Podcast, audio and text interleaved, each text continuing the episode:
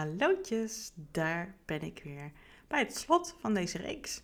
Het is Oudjaarsdag, de laatste dag van het jaar en ook de laatste, het laatste deel dus van uh, deze reeks.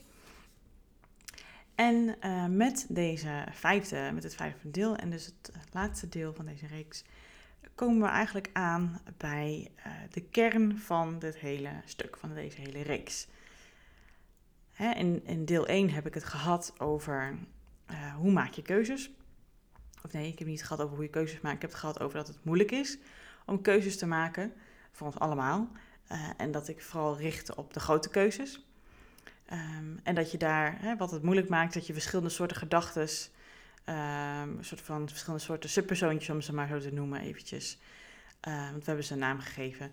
Uh, dat die met elkaar lopen te pingpongen. En dat je daardoor denkt, waar kom ik nou op? Ik weet het ook echt eventjes niet. Het is allemaal wel. Je blijft niet, je kiest zomaar wat of uh, je blijft de hele tijd maar twijfelen. Um, en komt niet in actie, bijvoorbeeld. Of laat het iemand anders voor je zeggen en ga je dat maar doen. Iedereen gaat er anders mee om, hè? Uh, en dat maakt dus het kiezen uh, juist, juist lastig als je zo ernaar gaat kijken. Um, en dat ik heb gezegd, goh, we gaan er juist naar kijken, we gaan er juist even op inzoomen. Wat maakt dat dat soort gedachten in jou opkomen bij bepaalde keuzes, bepaalde situaties, bepaalde situaties die je lastig vindt, um, ja, waar je schrikt van iets, een eerste reactie hebt, hè, denk maar een paar afleveringen terug. Um, en als je daar juist aandacht aan geeft, als je er de loep op legt, kom je er eigenlijk achter, wat maakt dat gebeurt, wat heb je nodig uh, en wat doe je eigenlijk om het te beschermen. Hè? Want iedereen probeert zich te beschermen. Daar zijn al die verschillende subpersonen, die verschillende soorten karakteristiekjes in jou uh, voor in het leven gekomen. De pleaser die probeert zich te beschermen uh, voor liefde. Die wil juist heel veel liefde. En die gaat iedereen maar uh, heel erg goed behandelen, behalve zichzelf. Dus dan krijgt hij misschien wel liefde van anderen, maar niet van zichzelf. En wat voor liefde is dat nou als je niet helemaal ook jezelf lief hebt? Dat zeggen ze natuurlijk altijd. Je kan pas een ander echt lief hebben als je je van jezelf houdt. De perfectionist probeert natuurlijk uh, zichzelf te beschermen tegen afwijzing, tegen gezeur, tegen kritiek. Uh, en gaat het maar zichzelf geven, want dan hoef je het niet van anderen te krijgen. Uh, waardoor je eigenlijk alleen maar nog meer dat in stand houdt. Dus, hè. De uh, genieter van woensdag, die probeert alleen maar alles een beetje weg te poetsen. En alleen maar leuke dingen te pakken en lekker nu te leven en, op de korte termijn. Zodat die niet de serieuze dingen van het leven hoeft aan te kijken. En de negativiteit die er ook misschien is en de minder leuke dingen. En, en dingen doen die je eigenlijk nu moet doen, die minder leuk zijn, maar voor de langste termijn wel heel goed zijn. Um, en gisteren de pusher, de drammer, die je voor zorgt dat de dingen voor elkaar uh, komen. Dat er iets gebeurt, uh, de actie in de tent. Uh, maar ja, daardoor kan je dus juist. Ja, heb je constant een gespannen gevoel. En kan je ook niet echt ontspannen. En probeert je beschermen van: hey, ben ik het allemaal waard? We gaan gewoon heel veel presteren. Dan hopelijk zien mensen dat ik het allemaal waard ben. Nou, dat zijn er maar vier, hè? En er zijn er zoveel meer, maar dit zijn vaak wel degenen de, die het meest herkend worden, die wat meer aanwezig zijn bij mensen.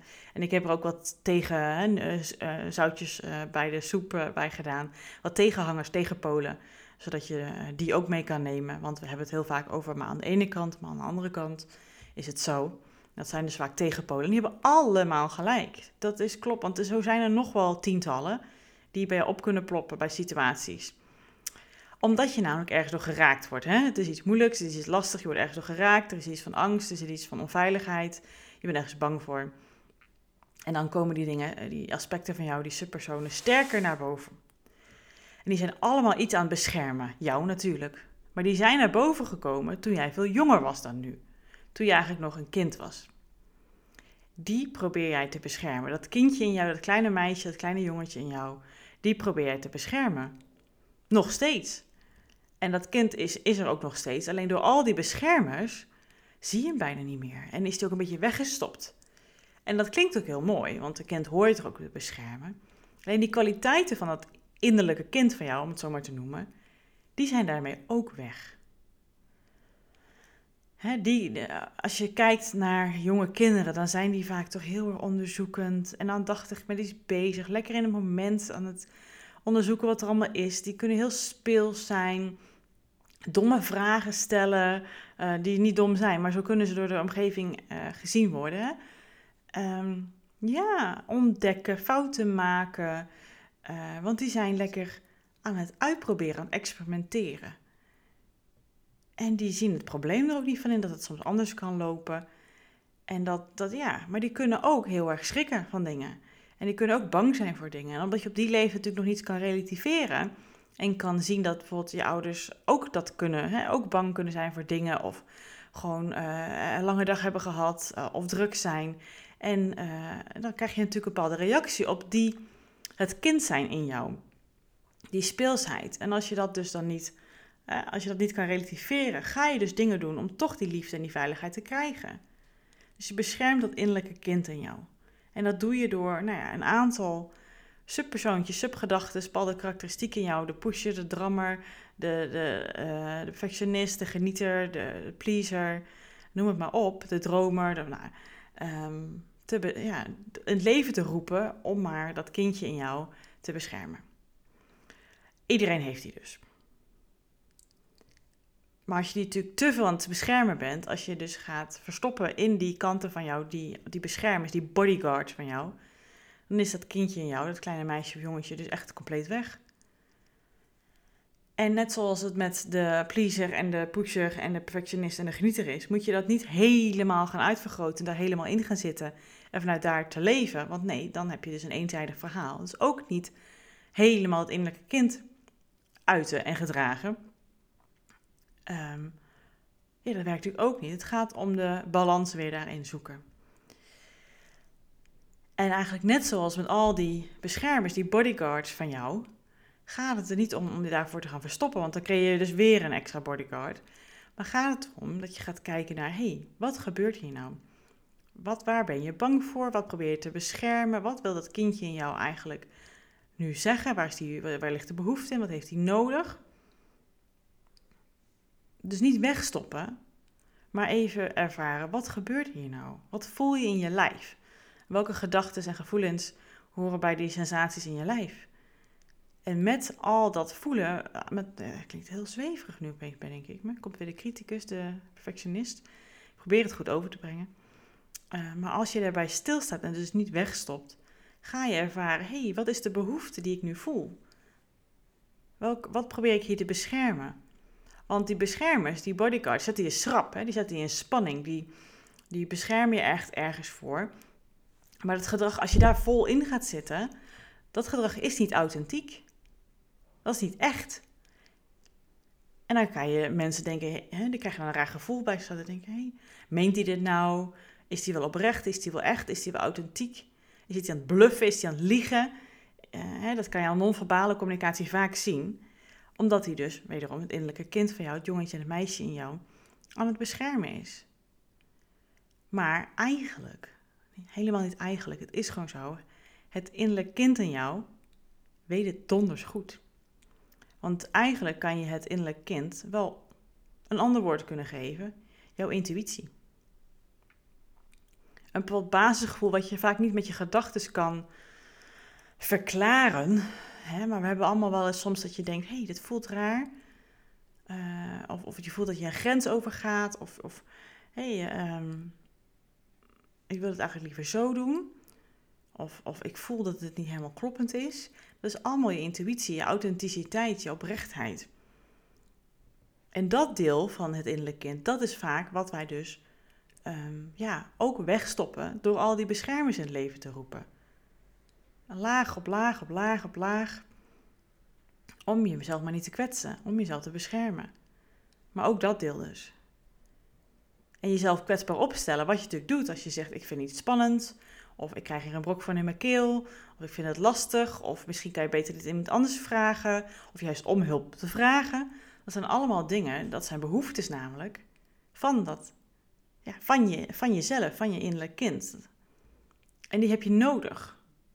Maar als je dus jezelf daar allemaal voor gaat beschermen, allemaal daar muurtjes omheen gaat bouwen, wat heel veel mensen zeggen. Ik heb een muurtje om me heen. Ja, je bent iets aan het beschermen hier.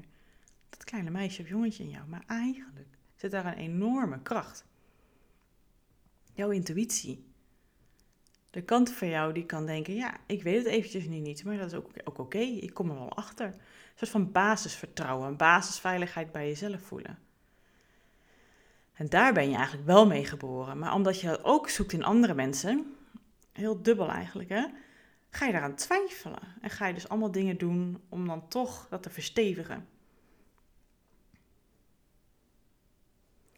Maar doordat alles wat jij in huis hebt en alles wat jij probeert te doen om je te beschermen, wat ben je dan eigenlijk aan het beschermen en dat ook te bekijken, ga je letterlijk alle kanten bekijken. Dus niet het, hè, dat is een andere definitie van als je een keuze maakt en we gaan alles van alle kanten bekijken, uh, van uh, die kant van mij die kant van mij zitten in, in conflict met elkaar en spreken elkaar tegen. Wat moet ik nou doen? Nee, wat gebeurt hier nou? Wat voel jij bij deze keuze? Wat voel je bij deze situatie? Wat gebeurt er in je lijf? Wat voor soort gedachten heb je nu? Neem er een afstandje van. Wat probeer je te beschermen? Wat is eigenlijk een behoefte die je hebt? Wat zegt je intuïtie, je gevoel eigenlijk over deze situatie? En die allemaal is te bekijken en serieus te nemen. En met die informatie de stappen te durven zetten die voor jou goed voelen. Die jij wilt doen. En kwetsbaar aan te geven en open aan te geven van goh, joh, ik zit hier aan te denken. Hoe sta jij hierin? Of eigenlijk heb ik jouw hulp hierbij nodig. Uh, en als je dat natuurlijk helemaal vanuit het innerlijk kind zou doen, dan komt dat natuurlijk heel raar over. Maar dat geldt hetzelfde of als je dat helemaal vanuit de perfectionist zou doen bijvoorbeeld. Jij bent dat allemaal bij elkaar. En als je dat weet van jezelf en dat meeneemt in al jouw acties en keuzes en gedragingen en eh, hoe je in het leven staat, zit er dus balans in. En als je weet, hé, hey, wat wordt hier nu geraakt? En niet schieten in, in, in de pleaser, maar denken, hé, hey, wat gebeurt hier nou? Dan kan je nog steeds kiezen ervoor om voor die ander te gaan en niet voor jezelf. Maar dan heb je dat een bewuste keuze op dat moment gemaakt. En niet vanuit alle pijnen en angsten en triggers en, en, en bodyguards. En, en dat innerlijk kind dat je maar aan het beschermen bent. Nee, vanuit nu. En dat is natuurlijk uiteindelijk wat het meest ontspanning geeft, waardoor je authentiek bent. Dan kan je natuurlijk altijd nog laten denken, hé, hey, dat had ik anders moeten doen. Maar je hebt in ieder geval op dat moment, voor jouw gevoel, en die kan je oefenen, uh, nou ja, op dat moment oprecht in gereageerd. En ook als je later denkt, hé, hey, dat was toch anders, dat is ook weer heel mooi, dan kan je dat zeggen. Als iedereen zich zo zou gedragen, maar goed, ik ben een idealist, dat is ook nog een rol, hè? dat is ook nog een subtype, subpersoontje in jou. Maar dat is wel wat een waarde van mij is eigenlijk ook. Iets wat ik heel belangrijk vind. Ja. Dan zou iedereen zich zo gedragen. En dan zou de wereld wel een stukje mooier zijn, toch? Als we allemaal onze bodyguard zouden weten en ons innerlijk kind zouden kunnen troosten en kunnen zien waar de behoeftes liggen, wat zou de wereld dan een stukje mooier zijn, toch? Maar goed, daar kunnen we als idealist wel over dromen, maar het begint bij jezelf, toch? En het zal jouzelf ook veel meer ontspanning geven als je daar dus bewust van bent. Wat gebeurt er allemaal in jou? En wat triggert het? Wat, wat, wat heb je nodig? En als je dat meeneemt in keuzes maken, in, in meningen geven, in situaties handelen, dan wordt het allemaal eigenlijk een heel stuk makkelijker voor jezelf. En ik merk al hoe ik het nu ook zeg, dat bij mij zelf ook ontspanning komt in mijn lijf. Als je het zo eens aanpakt en daar ook dus voor durft uit te komen. En als iemand daar op een manier op reageert die niet, waardoor je onveilig voelt, ja, dan is waarschijnlijk hè, dat voor diegene ook best beangstigend dat jij zo reageert. En ga dan niet weer uh, terug in dat pingpong heen en weer. Van oké, die gaat zich dus muurtje optrekken, want die voelt zich daardoor bedreigd, omdat diegene dat niet kan bijvoorbeeld, hè? Um, door jouw kwetsbaarheid je openheid. En dan zij dan ook weer toch weer een muurtje op gaat trekken, toch weer een bodyguard erbij gaat halen, hou je het weer in stand. Nee. Blijf bij jezelf. Blijf bij die krachten ook van jouw innerlijk kind, van jouw intuïtie. En durf jezelf echt te zijn. Met al die bodyguards. Want die hebben ook zoveel prachtige kwaliteiten. En soms moet je hem ook inzetten. Hè? Dat als je zegt, ja, goh, ik wil vandaag iets dat er iets gebeurt. Ja, dan moet je toch even die pusher gebruiken van jezelf. Zodat het ook echt gebeurt. Want je kan wel die levensgenieter iedere keer erbij pakken. Maar ja, dan gebeurt er niks. En de perfectionist die zorgt ervoor dat alle details goed uh, afge... de, de, de puntjes op de i gebeuren. En de pleaser zorgt ervoor dat je toch ook wel erg geliefd bent in je vriendengroep. Maar als je die uh, schuifknoppen van zo'n mengpaneel helemaal uitzet van al die dingen... Ja, dan, dan, dan wordt laag over laag, dan wordt het innerlijk kind helemaal onzichtbaar. En eigenlijk jou als persoontje dus ook. Dus je bent dat allemaal bij elkaar. En daar balans in vinden en inzien wat er eigenlijk allemaal gebeurt. Dat maakt dat je authentiek bent. En dat maakt dat je ontspannen het leven keuzes kan maken en kan durven staan voor wat jij wil. En dat kan aangeven. En dat is natuurlijk, denk ik, uiteindelijk wat we allemaal willen.